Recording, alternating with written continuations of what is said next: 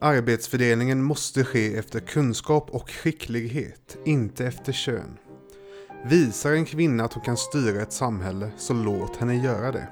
Visar en man att han bara duger till att diska tallrikar, så låt honom då göra det arbete som naturen har bestämt för hans del. Platon.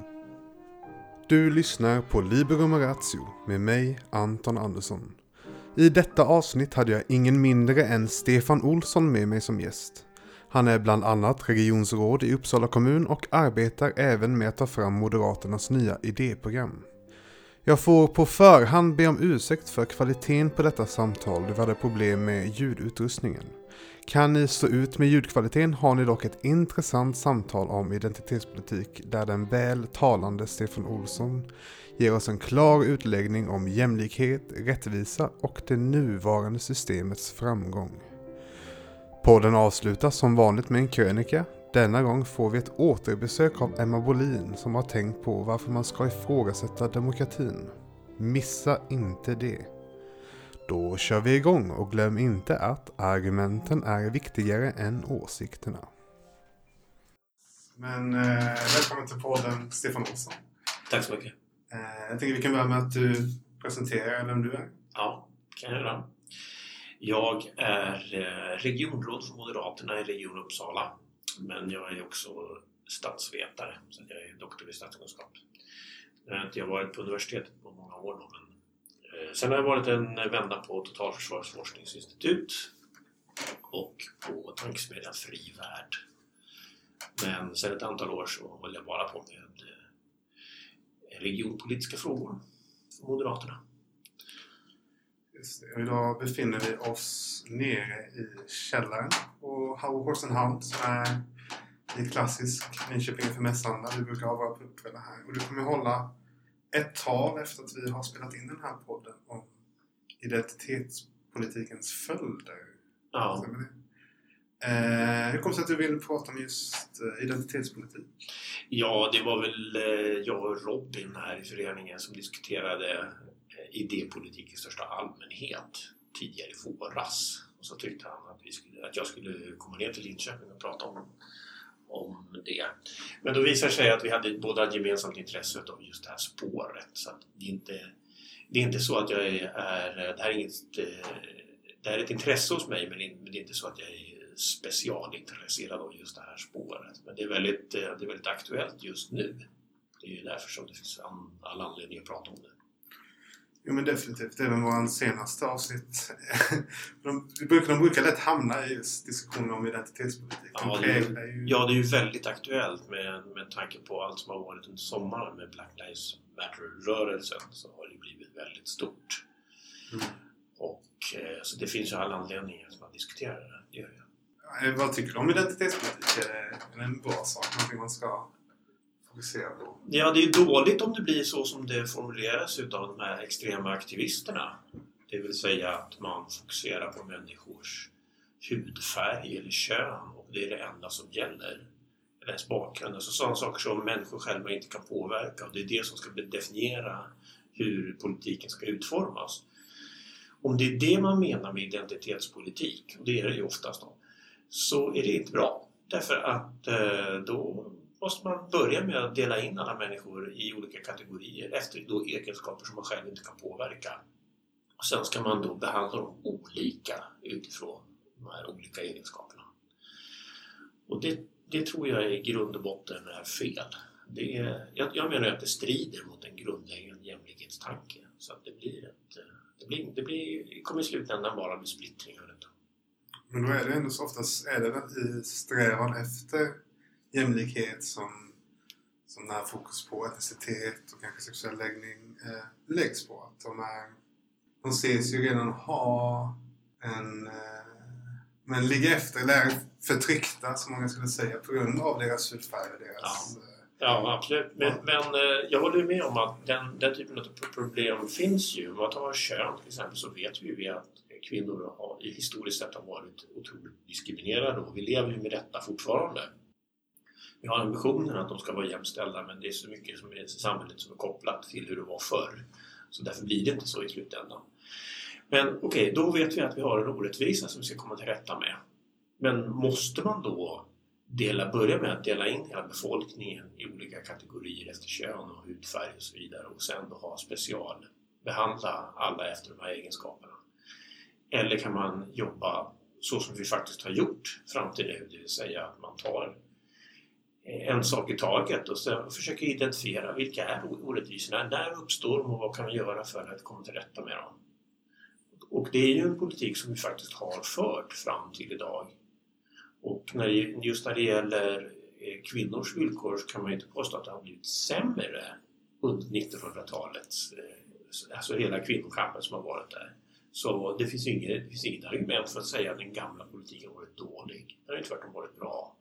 Så varför ska man då byta? Bra, men kanske inte tillräcklig. Nej, men, det är väl inte, nej, men jag tycker så här, det är inte färdigt. Det tar ju, vissa saker, vissa reformarbeten tar ju lång tid att genomföra. När det gäller just eh, uppdelningen av eh, mänskligheten i två kön så är ju det första det är ett biologiskt faktum men sen har det liksom kopplats att sen har det bildats eh, historiskt sett könsroller. Och då ska man ju ha klart för sig att mänskligheten har levt med det här i 200 000 år. Och det är klart att det inte är gjort på bara en eller två generationer. Så det tar ju ett tag, men framstegen, resultatet hittills har ju varit positivt. Och då, kan man, då är det ju bara att fortsätta på samma spår. Så varför det här nya spåret skulle vara bättre, som ju är oprövat, det, det, jag, ser inga, jag ser inga belägg för det. Men när man pratar om jämlikhet så finns det ofta två falanger. Den vanligaste jämlikheten är väl en jämlikhet av eh, möjlighet. Alla ska ha samma chans att gå på universitet, alla ska ha samma möjlighet att skapa sig det goda livet. Men, men eh, jämlikhet är ju, talas ofta om, om jämlikhet i utfall. Ja. Det är väl mycket, det är väl mycket där omfördelning av ekonomi kommer in och även då identitetspolitiken att, att det leder till en sorts uh, kvotering till exempel i, i styrelser och sånt. Mm. Att, för att då ska vara ett jämlikt utfall av, av kvinnor och män till exempel ja. i styrelser. Ja. Nej men eh, visst, är, för att göra en lång historia kort så kan man ju se på jämlikhet på två sätt. Då.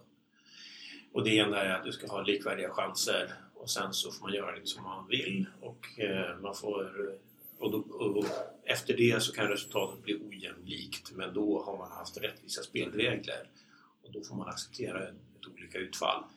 Eller så tänker man sig att det viktiga är just att utfallet är lika i slutändan, alltså att resultatet blir exakt lika. Men eh, eh, det, då måste man ju fråga sig inte bara vad som är jämlikt utan man måste också fråga sig vad som är rättvist. Vad är, vad är rättvist? Vad är rättvisa spelregler människor emellan? Och eh, jag skulle ju säga att de flesta tänker i termer av att rättvisa är ungefär som när man, när man spelar ett spel eller man, när man idrottar. Så man sätter upp reglerna, sen så kör man efter dem och sen så blir utfallet olika. Men då har alla samma chans. Det som är kruxet med det, det är ju att alla måste på något sätt kunna ställa upp i, i matchen. Då vet vi ju att det finns vissa människor som har mycket svårare för det. Om du, menar, du, kan, du kan inte vara med i 100 meters eh, löpning om du, om du, om du har, sitter i rullstol. Det går liksom inte. Men då, då får du ju hjälpas fram på något annat sätt. Då. Men eh, det är det som vi oftast brukar säga är rättvisa. Och ska man följa den eh, principen då man, måste man acceptera olika utfall. Så den här idén om att, eh, att utfallet alltid ska vara lika, att alla ska få lika stor del av kakan hela tiden, eh, det är ju inte jag menar, jag är inte i överensstämmelse med vad människor i allmänhet tycker är rättvist men framförallt inte vad borgerliga tycker är rättvist. Vi är, mera, vi är ju mer inne på att man ska ha likvärdiga chanser och sen får utfallet bli som det blir. Medan medans, eh, socialister de tänker ju mycket mer i termer av att det ska vara lika på slutet. Och sen så vägen dit inte lika, spelar inte så stor roll ändamålen helga medlen. Nej, men de, de, de betonar så... Nej, kanske inte. Men alltså, de betonar så oerhört kraftigt det där att en del är underprivilegierade och därför måste kompenseras. Men det är bara det att eh, eh, det tar ju deras eh, problemet med deras politik tycker jag, det är ju att den här kompensationsideologin, den tar ju aldrig slut. Det, finns ju alltid någonting nytt som man ska kompensera för. Eh, förut var det ju nästan alltid klasstillhörighet. Du kan ju ta klasstillhörighet och sen är det kön och sen är det hudfärg och sen är det eh, sexuell läggning. Och sen när du blir äldre så har du ju också sämre förmågor att konkurrera, kanske inte liksom intellektuellt men däremot fysiskt. Då ska du kompenseras för det. Och sen, sen eh, det är, det är liksom många, många kolumner som, det ska, som en person då ska liksom kompenseras för. Eh, och då blir ju hela den här kompensationsindustrin blir ju ganska stor då till slut. Och det är inte rimligt att göra det. Och i, i eh, svensk lagstiftning så har vi liksom sju diskrimineringsgrunder. Nu kan jag inte göra dem som ett rinnande vatten här då, men det är ungefär de som jag nämnde. Men, då, men man måste fråga sig varför just de sju? Det kanske finns åtta och nio. Vad vet jag. Och då kan man göra långa listor om vad man ska ha rätt att bli kompenserad för. Och det, det tycker jag det är ett problem. Sen finns det ett annat problem där också. Det är ju, om du tar gruppen kvinnor så finns det ju vissa kvinnor som faktiskt inte alls är födda i, i under dåliga omständigheter. Men då är ju de kvinnor. Ska de också kompenseras då? Och det får ju vara en grad av kompensation och kanske inte kompenseras lika mycket som någon som även har en utsatt sexuell läggning. Alltså om jag leker djävulens advokat. Ja, ja, men eh, Ja, jag vet faktiskt inte vad jag ska göra det där men jag tycker på något sätt det blir, det blir väldigt problematiskt om man börjar med att som sagt att dela in folk i grupper och sen så ska eh, man, alla som tillhör en viss grupp oavsett om de är födda med väldigt bra omständigheter ha någon form av fördel av det. Låt säga att man är kvinna men man är född av rika föräldrar eh, som ser till att man får en väldigt bra skolgång och sen då får en bra utbildning hela vägen fram till universitet. Sen bra jobb där för pappa har bra kontakter och sånt där. Ja, ska man ha något extra för det sen då bara för att man är kvinna? Det blir ju väldigt konstigt va? Men det, så blir det ju om man, om man, ska, om man ska ge fördelar till en hel grupp. Hon ingår ju i gruppen. Jo, då blir det ju ett, ett enormt detaljstyre om alla ska få en, en jämn kompensation i slutändan så att säga. Det blir ju som vi tar den här analogen av ett 100 meters lopp. Liksom. Ja. Ska alla komma i mål samtidigt måste det väldigt detalj. Så att utan han ska få vara 30 meter framför och sen får vi liksom ja, hålla ja. tillbaka denna. Det blir ju ja, enormt Nej. svårt att få alla komma in i mål samtidigt. Ja. Men analogin med idrott funkar inte alltid därför att poängen är att skilja ut en vinnare också. Det ska man göra det. Men, men eh, vi behöver inte ha vinnare i samhället utan det här är ju, tanken är ju snarare att man ska kunna eh, få lyckas om man själv vill. Den fungerar i alla fall fram, fram till dess att alla måste åtminstone komma fram till startlinjen. Och det är ju det som vi oftast brukar säga är rättvisa. Vi ska hjälpa alla fram till startlinjen så att alla i alla fall kan få vara med i racet. Då. Eh, och när man har gjort det så ska det här kompensationstänkandet upphöra och bortom startlinjen så får man klara sig själv. Varje persons egna förmåga och vilja liksom. Ja. Just att göra med ja. vad de har fått. Men, men argumentet eh, på andra sidan av identitetspolitik, om vi tar det här med att eh, rättvisa att alla har eh, samma spelregler, eller alla samma liksom, utgångsprinciper som man utgår ja. ifrån. Liksom, sen får utfallet bli densamma. Men de skulle väl argumentera för att de här spelreglerna som är etablerade i samhället är eh, orättvist eh, skiftade åt den mm. vita mannens ja, fördel. Hela systemet, regelsystemet är riggat från början. Då. Ja, precis. Och, och ja. den här kompensationen ja. är ju för att ja. eh, jämna spelplanen. Så ja, att det blir rättvist. Ja. Men eh, jag menar ju att det, det, i, grund, i grunden så är inte ett, ett samhälle som det svenska, det är inte riggat åt jag håller inte med om det. Tvärtom, det, eh, samhället, samhällets regler som vi har med Sverige, de är väldigt eh, lika för alla. Om man bara går igenom, vad, hur, hur, hur får man, vad får man i Sverige när man föds? Ja, du kan inte välja föräldrar. Eh, du kan inte, så att du föds in i en familj. Och nu vet man att detta spelar väldigt stor roll. Då, så där ligger i grunden en, en orättvisa om man hamnar i en dålig familj. Eh, men sen får alla en likvärdig skolutbildning. Nu är skolan i Sverige kanske inte den bästa alla gånger men i grunden så får du det. Och sen så får du gratis utbildning ända upp till universitet. Och vill du dessutom forska så får du, så får du det också. Du behöver inte betala någonting. Så att du kan alltså eh, genom egna, egen ansträngning skaffa dig en väldigt bra utbildning. För att vi har gott om universitetsplatser också. Och sen när du har din universitetsexamen då är det bara upp till dig själv. Hur hårt vill du arbeta för att lyckas? Det här kan alla göra. Vi har jämnat ut spelplanen för nästan alla. De som jag tycker synd om som inte får den här starten det är de som har föräldrar som är missbrukare och så vidare. Det vill säga total moras. Så att man inte kommer in i samhället alls. Eller eh, invandrare som har, som är, har eh, svårt att lära sig svenska. De får ju väldigt svår, det, det, är svårare, det är svårt att komma till Sverige och lära sig svenska och, liksom, eh, och gå utbildning och, och så vidare. De tycker jag man ska naturligtvis se till så att de kan komma in i samhället mycket snabbare så att de får en, en bättre start.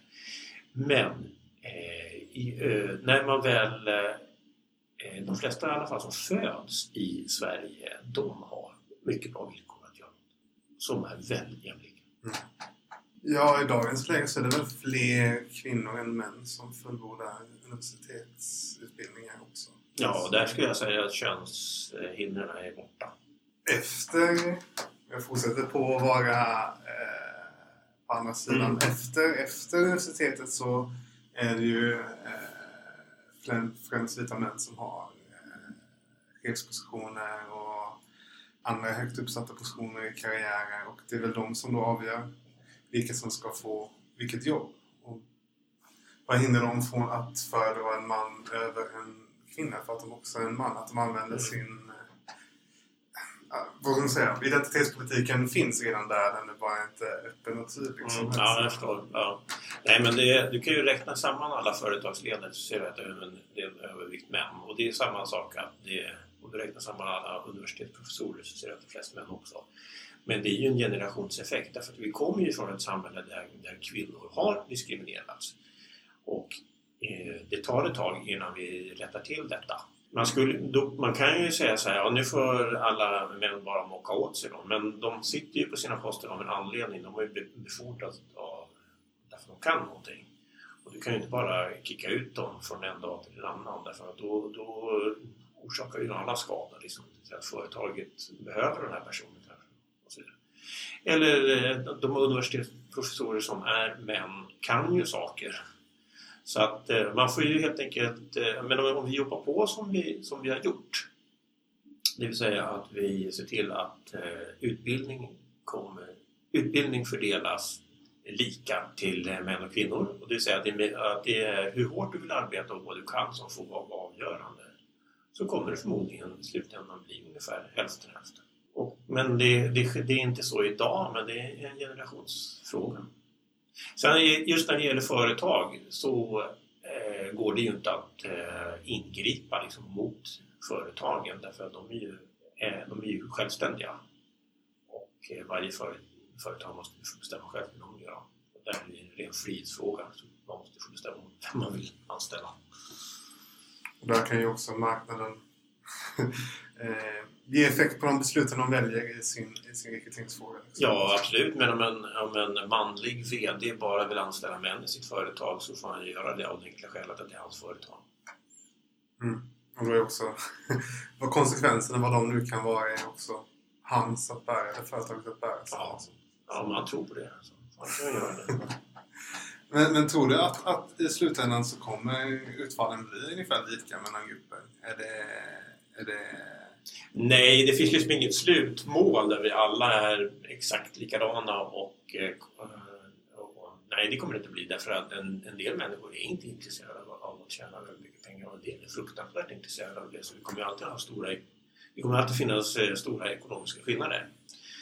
Och eh, det finns ju andra skäl till det och det är, det är att egendom, egendomsförhållandena ser olika ut. Man äger liksom olika mycket från början. Man, man måste ju ha rätt att lämna arv ifrån sig vilket gör att ens arvingar då kommer vara rikare än andra och så vidare. Men det är ju men det är inte det som... Eh, så att, så att någon form av... Så skillnaden kommer det ju finnas av. Men om, man, men om man tittar på vad som har varit rent historiskt och hur eh, klassförhållandena har förändrats i Sverige från, om man räknar från 1800-talet, alltså industrialiseringens eh, tid och fram till nu så har det ju varit så är det ju en, en utjämning. Mycket mindre skillnader nu än vad det var då. I, i Sverige Ja. tänker du? Ja, verkligen. Alltså klasskillnaderna eh, omkring år 1900 var ju enorma. Otroligt mycket större än vad de är idag. Man säger väl att en, en, en fattig person i eh, nutiden har det bättre än en kund för 200 år sedan. Liksom, när det gäller Ja, ja. bekvämlighet kanske, men Ja, det brukar, nej, jag vet inte, det, det är väldigt svårt att säga det därför att eh, en, en fattig människa i Sverige idag har ju tillgång till modern sjukvård. Det hade inte en kung på medeltiden. mm, det är ju en stor skillnad. Ja, verkligen. Kunna ha bara eh, bedövningsmedel är ju Ja, exakt. fördel. Ja. Jo men i, i Norge gjorde de en studie kring eh, just utfall efter jämlikhet. Alltså Norge är en av de mest jämlika länder i Mm. världen. De sa att fördelningen i, i Norge av kvinnor som söker sig till eh, exempel eh, omsorgsyrken, omvårdnadsyrken var eh, i mycket högre grad än i ett land som inte alls hade samma mängd av jämlikhet. Ja, alltså till exempel Indien eller liknande. Mm. Ja. Och det borde väl vara effekten av att ju mer av, av sociala spärrar du tar bort desto mer kommer den egna biologiska liksom, Ja. grundarvet att, Ja. att göra sig påminn. Liksom. Mm. Eh, jag kan tänka mig någon i Indien, som, en kvinna som blir ingenjör kanske gör det för att hon måste ha den inkomsten och hon måste liksom Ja. lyckas medan i, i ett jämlikt samhälle så är det mer chans att göra Mm. vad du vill utan, utan att pengar spelar en lika stor roll. Ja, precis. Det kallas för jämlikhetsparadoxen. För att, eh, det är ju, har man ju sett i länder som Norge och Sverige som har ju väldigt omfattande som jämställdhetspolitik. Vi har, vi har ju socialförsäkringssystem som utjämnar skillnader mellan män och kvinnor. Vi ger samma utbildningsförutsättningar. Alla, alla kan göra samma utbildningsval egentligen. Och då visar det sig att många kvinnor använder sin frihet för att gå in i så kallade traditionella kvinnoyrken som är omsorgsyrken. Och eftersom de är lägre betalda än ingenjörsyrken så så kommer de ut sen med lägre löner. Men eh, då... Eh, Eh, jag, jag tycker inte att man eh, kan ingripa mot detta därför att det, jag tycker att det är fel att ingripa mot människors fria val. Det man kan diskutera däremot det är ju hur lönesätter vi olika yrken. För jag tror ju i generellt sett att omsorgsyrkena är något underbetalda. Då gäller det alla det. Men det tror jag i, inte bara inte handlar just om könsstrukturer utan snarare om att det är i offentlig sektor. Och de, det finns inte så mycket arbetsgivare att välja mellan. Men om det fanns fler arbetsgivare att välja mellan så skulle de kunna lönekonkurrera på ett helt annat sätt. Så då skulle ju nog eh, lönerna öka. Jag tror ju dessutom att lönerna till exempel för undersköterskor kommer att öka av sig själv på grund av att det finns stor efterfrågan på det finns ju också en, en eh, inbyggd eh, eh, spärr i, i, i omvårdnad och det är det faktum att du bara kan se en person åt gången. Alltså det, det är svårt att effektivisera det mycket, mycket mer än om man säger eh, ingenjörsarbete och sånt där du kan automatisera på ett helt annat sätt. Du kan Ja. få mycket mer eh, som säger, effektivt värde av din tid på det sättet. Ja, att, att man är väldigt begränsad av att ha med människor att göra. För. Så fort du börjar ta in två personer för, Ja. för undersökning per gång så tappar direkt undersökningen sitt värde också. Liksom. Så Ja, det är precis. svårt att effektivisera det Ja.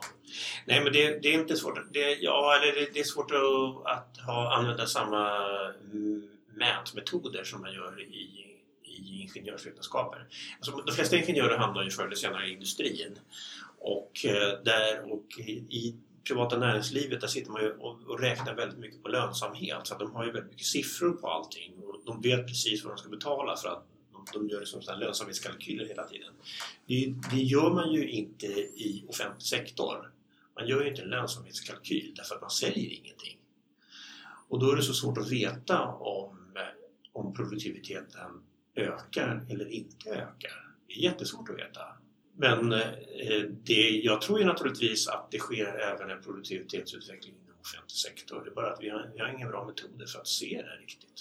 Men det har egentligen inte det finns ingen, ingen vetenskaplig metod som kan räkna ut det där för marknaden heller utan varje företag gör sina egna beräkningar. Och en del företag gör faktiskt dåliga beräkningar och gör felinvesteringar och sen går sen under. Så det, det, är inte, det är inte alla företag som är bra. Nej. Det är marknaden som är bra.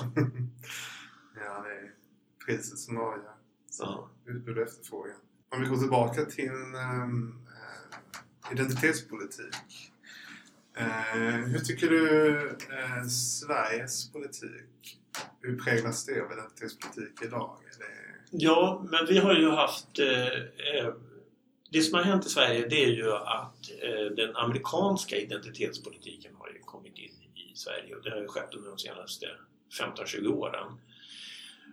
För vi har inte haft så mycket av, av det här. Den enda fråga som vi har diskuterat har ju varit eh, jämställdhet i, i den här typen av termer. Men sen har det gjort ett intåg och det kommer via USA helt enkelt.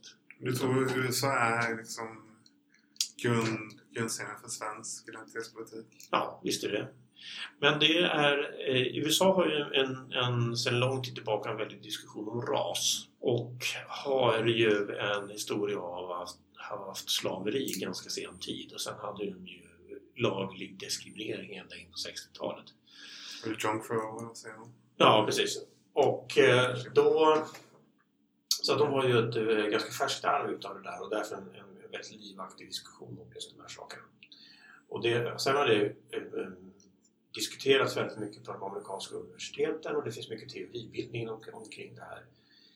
Och det som händer i USA förr eller senare händer det nämligen även i Sverige. Det, det, som det smittar av sig. Och, eh, det är bara tio års klapp ungefär, sen kommer det hit. Ja, ja 10-20 år sen så kommer det förr eller senare. Och det, det är vad som har hänt att de här teorierna har tagits in. Och de har tagits in på universiteten, framförallt i humaniora och samhällskunskap. Och, eh, men det, eh, teori är en sak, men det kommer också mer politisk praktik utav det hela. Sen sammanblandas Sen har det skett en sammanblandning utav den här vetenskaplig teori och politisk praktik och har eh, tagit sig in på universiteten.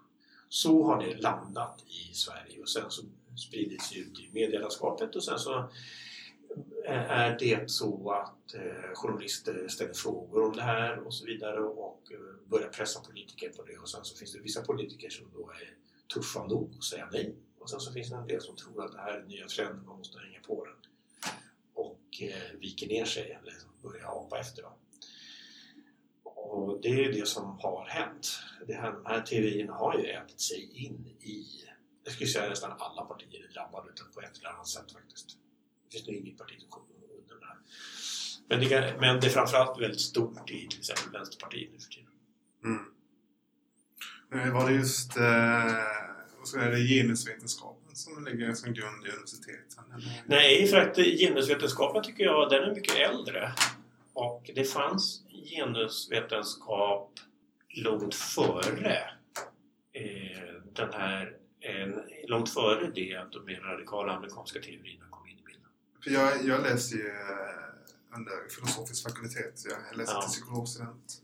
Vi har ju mycket just eh, det är kopplat till genusvetenskap, blir mycket ja. regnbågsfamiljer och ja. HBTQ-personer, hur de hanterar liksom, allt från uh, mikroaggressioner till, ja. uh, till självfobi. Typ. Så väldigt, det blir en hel, en hel begreppsapparat. Ja, det, hela, hela den här begreppsapparaten. Ja, men nu, jag har inte...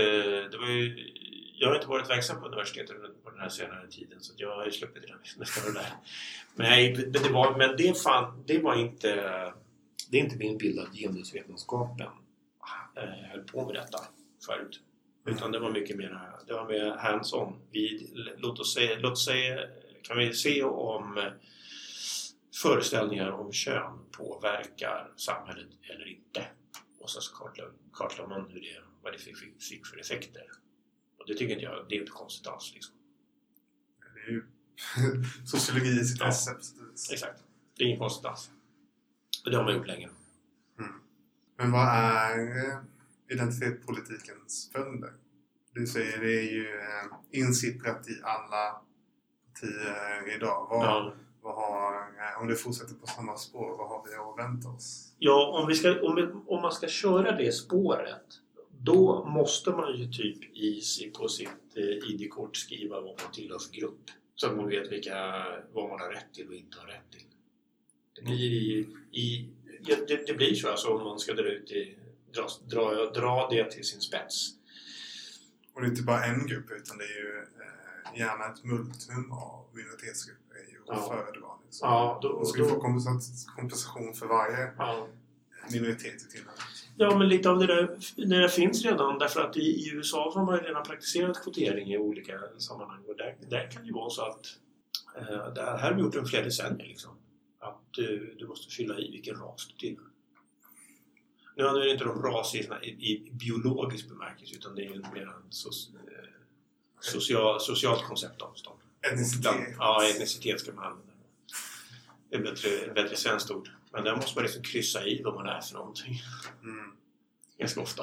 Ja, men det kan ju ge olika stipendium beroende på vilken etnicitet Ja, du har. exakt. Du har ju affirmative action som också ska Ja, främja. ja. Jag tror Ja. att eh, svarta i USA har kräver lägre på deras SAT, eller deras liksom, test inför skolan. Så ja.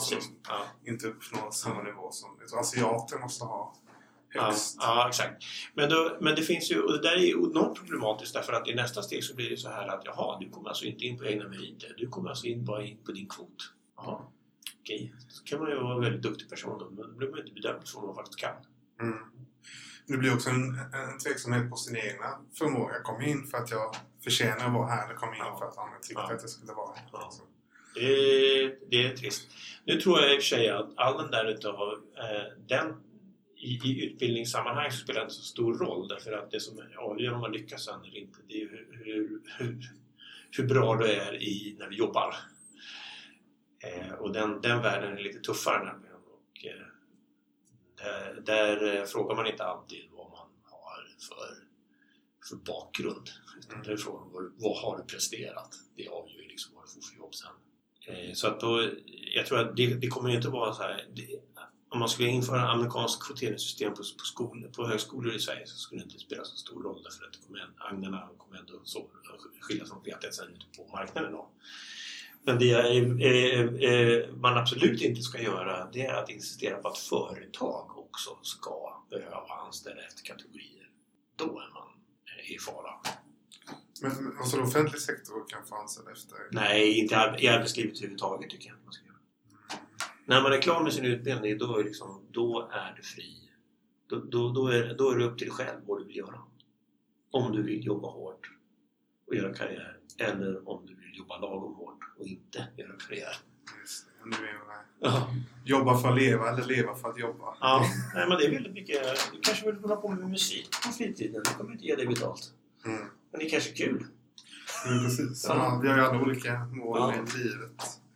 Men, eh, och där också när det gäller marknaden, alltså som en eh, högervinklad människa så ser jag också det att där kan man ju, om du säger att du är emot, om du har ett, ett företag som säljer en produkt och ett annat företag som säljer samma produkt och båda en kvoterar och en gör inte det, då kan du ju alltid rösta med din, med din sedel liksom, Ja. vilket du tycker ska, ska, ska fordras att vara en bra eh, företagsmodell. Ja, Så Det är ju det är ändå så i, i, i folkets händer även om marknaden är fri så att säga. Ja, visst är det så. och påverka. Ja.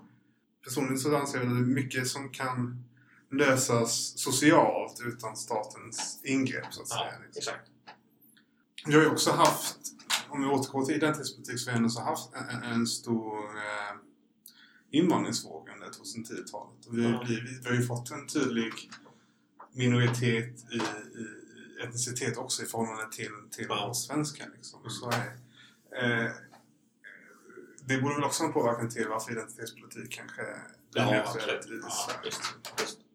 Nej, men det, fin det finns ju en... en eh, alltså invandrarna är inte en ny samhällsgrupp, men den har blivit mycket större.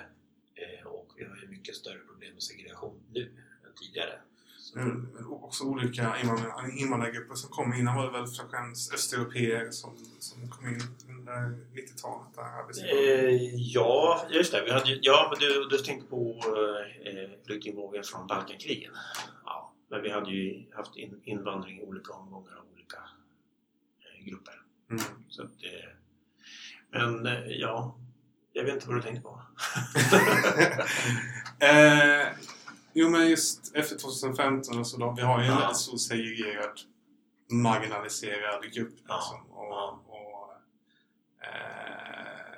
kan inte identitetspolitik bara vara ett, ett eh, felriktat sätt att försöka hjälpa de här människorna? Alltså, alltså, uppsåtet är ju så gott i grund och botten. Liksom, men att, Jo, men eh, vad, de kommer inte tjäna något på det här. du tror inte det? Nej, det tror jag inte. Nej, nej, nej.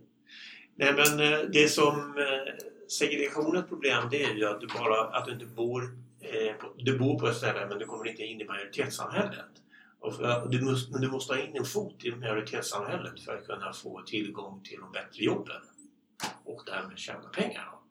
Och sen så får du bättre levnadsvillkor generellt sett. Men om du är hänvisad till att bo i en förort och du får dålig utbildning och du får bara de sämsta jobben och du kommer aldrig därifrån. Då får du aldrig in den här foten. Och då får du inte heller tillgång till den. Så att, men jag vet inte riktigt vad, vad man, eh, varför liksom uppdelning av befolkningen i olika grupper och sen kvoteringssystem ska kunna komma till rätta med detta. Poängen måste ju ändå få fortsätta, fort, fortfarande vara att se till så att alla har en bra utbildning. För att då kan du ju sen få ett bra jobb. Och då får du ju in foten på i majoritetssamhället.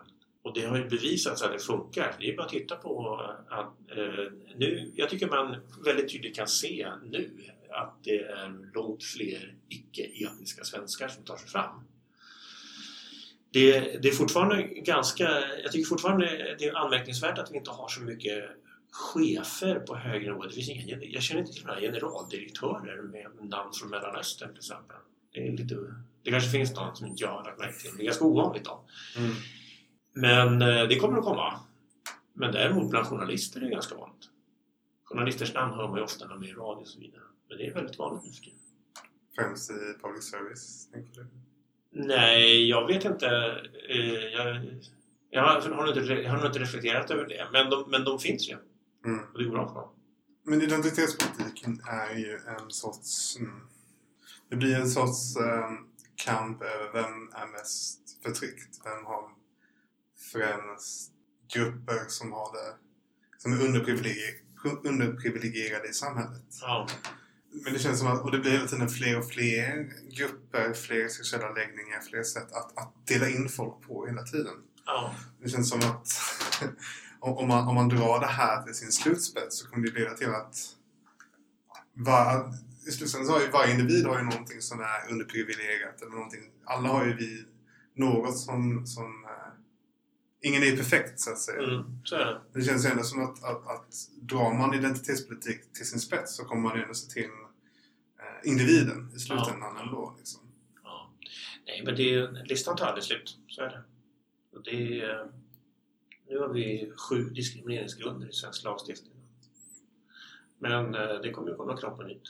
Vad ska man, vad ska man göra då? Ja, jag tycker att vi, har, vi ska säga nej till den här utvecklingen. Det är det, är det viktiga. Men, det fort, men däremot så måste man ju erkänna att diskriminering av alla möjliga sorter finns på osakliga grunder.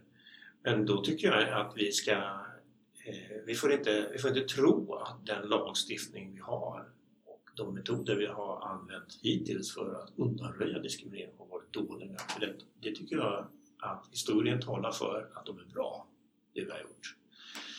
Men det är klart att allting inte sker över en natt. Så är det. Och sen då för att se till så att alla kan eh, få del utav eh, samhällets goda. Men det kan man, det är det jag menar. Om, du, du måste, du måste liksom ta ansvar för dig själv. För att möjligheterna finns där. Vi har inget dåligt utbildningsväsende i Sverige på totalen. Det kan vara bättre, framförallt i grundskolan. Men den högre utbildningen är mycket bra. Och eh, om du jobbar på så att du har bra betyg och kommer in på universitet så kommer du få till exempel en ingenjörsutbildning och har du sen en civilingenjörsexamen då är du garanterad jobb med en hög lön. Varför inte satsa på det då? Liksom? Det, är inte, det, det, det går att göra. Men, men om, om jag har ansvar över mitt liv då är också jag och klandra om mitt liv går dåligt. Det är mycket lättare att Visst säga det. att det är andra gruppers fel att det går dåligt för mig. Ja, det kan man säga. att de ska hjälpa mig på vägen. Jo, det kan man säga. Men, men eh, om man har sig själv att skylla så har man ju det. Jo, så är det ju. Det är många som inte vill komma till den insikten att, att Nej, men man kan livet är deras händer. Eh, nej, ja, då får väl du och jag upplysa om vårt vakna tillstånd. Men jag tror eh, eh, vi sätter upp punkt där för idag. Ja. Det var ett väldigt trevligt samtal och Ja. kul att du ville komma Stefan. Så Mm. eh, ser fram emot att höra dig tala om en liten stund igen på vår punktkväll. Ja, tack så mycket. Det där var alltså Stefan Olsson, regionsråd i Uppsala kommun och skicklig samtalare som ni själva bevittnade. Jag är glad att han ville vara med på podden och hoppas på framtida samtal. Men innan vi avslutar kommer här Emma Bolin. Vad har du tänkt på Emma? Ja du Anton, jag har funderat på demokrati. Sedan grundskolan har vi fått det ingjutet i oss hur de demokratiska systemen i västvärlden är helt underbara och det ultimata styrelseskicket. Men varför ska just denna styrelseform upphöjas över alla andra typer och ses som något orörbart vad det gäller förändring och utveckling? Låt oss nu granska demokratin kritiskt och lyfta fram dess problem i dagsljuset för att få en klarare bild av vad som är och vad som potentiellt kan tänkas vara om vi vågar gå utanför de stängsel som demokratidiskussionen idag binder oss fast i. Det demokratiska styrelseskicket kommer från det antika Grekland och närmare bestämt Aten som stadsstat, vars politiska och filosofiska tankar följer med oss än idag. Demos betyder vanliga människor och kratos betyder styrka, vilket sammanfattar kärnan i begreppet mycket väl, där vanliga människor har den största styrkan i samhällssystemet. Aten hade en form av direkt demokrati, där alla röstberättigade kunde besluta enskilt i alla frågor. Denna typ av system fungerar sämre när befolkningen växer och idag används vanligen representativ demokrati, även om teknikens utveckling har gjort det möjligt att ha kvar direktdemokrati även vid större befolkningsmängder. Bland de röstberättigade i Aten ingick ej kvinnor, slavar, utlänningar och män under 20 års ålder. Den antika uppfattningen om medborgarskap grundades nämligen mycket i att medborgarskapet krävde tillbaka en obligation att ställa upp i krig när detta var nödvändigt. Demokratin idag bygger på en tanke om att alla medborgare har en serie friheter och rättigheter. För att förhindra en snedfördelning av makt så delas makten vanligtvis upp, specificerat i ett antal grundlagar. Ett demokratiindex för år 2019 har sammanställts av The Economist där 167 länders tillstånd för demokrati mäts enligt 60 kriterier som mynnar ut i en poäng mellan 0 till 10. 22 länder räknas enligt indexet som fullvärdiga demokratier. 53 räknas som demokratier med anmärkningar. 38 räknas som hybridregimer och 54 räknas som auktoritära regimer. Cirka 44,91 procent av länderna räknas därmed som demokratier, eventuellt med anmärkningar, medan övriga länder framförallt har någon typ av auktoritärt styre. Vad finns det då för svagheter hos demokratin som bör belysas? För det första så bygger det demokratiska systemet på att alla som går och röstar bör vara starkt informerade och kunniga om såväl de personer de röstar på som de frågor som personerna ska driva. Detta är dock sällan fallet. Jason Brennan, filosof vid Georgetown University, beskriver i sin bok Against Democracy att det både på grund av tidsbrist och brist på incitament inte ger någon extra nytta för individen att vara extra informerad som röstberättigad. En medborgares enskilda röst gör otroligt sällan någon skillnad i ett stort hav av medborgare med rösträtt, varför den makt som ges folket inte får något egentligt värde hos individen som förvaltar den. En undersökning ledd av Sören Holmberg, professor vid Göteborgs universitet, visar att inte ens hälften av de svenska väljarna visste att Sverige hade en socialdemokratisk enpartiregering vid valet 2006. Vilket är något oroväckande när dessa människor sedan starkt uppmuntras att utnyttja sin rösträtt till fullo på valdagen. Att de går och lägger en oinformerad röst gör att makten hos de informerade väljarna blir lägre i valutgången. Ett motargument mot att väljare behöver vara informerade skulle kunna vara att okunnigheten borde fördela sig relativt lika i olika politiska riktningar och att den stora mängden röstberättigade då skulle göra att de oinformerade röstarna så att säga tar ut varann i slutändan på grund av fördelningen och den kollektiva massans åsikt blir då rättvisande. Scott Althouse, professor i statsvetenskap vid University of Illinois, har undersökt denna fråga och funnit att det visar sig att oinformerade människor tenderar att ha liknande åsikter i många frågor, som dessutom fördelar sig mindre jämnt än vad informerade väljares åsikter gör. De oinformerade väljarna påverkar därmed valresultatet i ena riktningen ännu mer än den informerade. Enligt Althaus tenderar de kollektiva åsikterna hos väljare som är ointresserade av politik att vara mer accepterande av politiker och politiska institutioner, vill se mer isolation vad gäller utrikespolitik, mer accepterande vad gäller statlig intervention i ekonomin, mer eftersträvande en större och mer maktfull stat. Och mer konservativ vad gäller socialpolitiska frågor än de skulle varit om de besatt mer information i frågorna. Om vi skulle låtsas att vi ändå har att göra med välinformerade individer uppstår ändå problem kring att vi människor ej är så rationella varelser som vissa typer av politiska och ekonomiska system förutsätter. Vi kommer med mängder av biaser och fördomar som starkt påverkar våra val, till exempel i form av konfirmeringsbias, att omedvetet vara särskilt uppmärksam på sådan information som bekräftar vår egen uppfattning och leta efter dessa favorisering av medlemmar ur ens egna grupp, då vi starkt associerar oss med dessa medlemmar och får en känsla av trygghet. Tillgänglighetsheuristik, där man förlitar sig på de snabba exempel som dyker upp i ens huvud som association till ett begrepp eller ämne.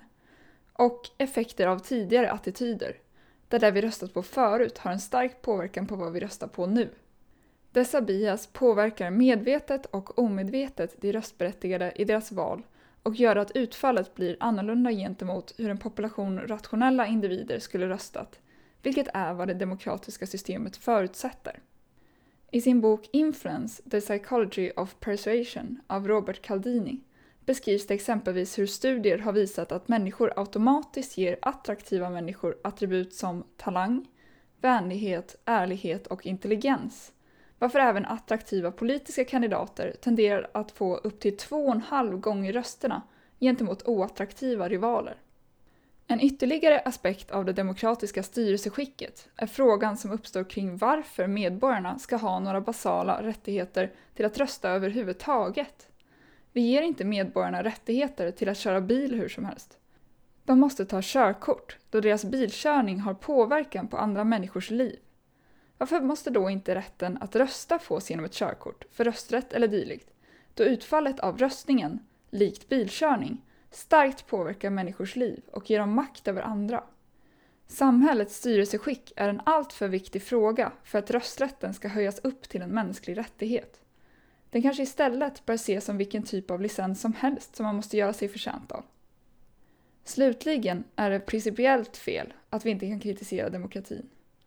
All utveckling av samhället och människor kräver kontinuerlig självkritik och noggrann granskning för att hitta problem som sedan kan hanteras. Endast så kan någonting ständigt utvecklas till det bättre. Vad skulle man då kunna ersätta demokratin med för att lösa dessa problem? Ett alternativ som Brennan föreslår till det demokratiska styrelseskicket är något som kallas epistokrati, kunskapsstyre, vilket föreslogs redan av Platon. En epistokrati skulle kunna bygga på att den enskilda rösträtten får en specifik vikt beroende på kunskap. Alternativt att det krävs ett basalt test inom politisk kompetens för att få rösta överhuvudtaget. Man skulle även kunna behålla systemet som det ser ut idag, men lägga till grupper med vetorätt inom specifika områden, som tar det slutgiltiga beslutet i vissa frågor. Epistokratin reducerar makten hos de minst informerade utan att öka risken att makten skulle kunna koncentreras till ett fåtal människor. Det vill säga reducerar flera negativa konsekvenser av demokratin men behåller flera positiva. Kanske borde vi ha kvar demokrati som styrelseskick i vårt samhälle. Kanske inte. Oavsett bör vi granska den hårdare än vad vi gör i dagsläget och förbättra den om utvecklingsmöjligheter existerar. Vi är ofta överens om den generella bilden av ett gott samhälle, men sättet att uppnå denna ska även kunna röra sig utanför demokratins ramar. Att sätta demokratin som begränsning är att stänga in samhället i en box vars utsida har en hel rymd av möjligheter. Vi bör därför göra det till normen att vara djupt kritiska till dagens system och kontinuerligt fundera över förbättringsmöjligheter eller kanske rent av helomvändningar vad gäller val av system. Sluta helt enkelt att dyrka demokratin. Jag som precis har talat heter Emma Bolin, pluggar civilingenjör inom industriell ekonomi och är ledamot i Linköpings FMS styrelse.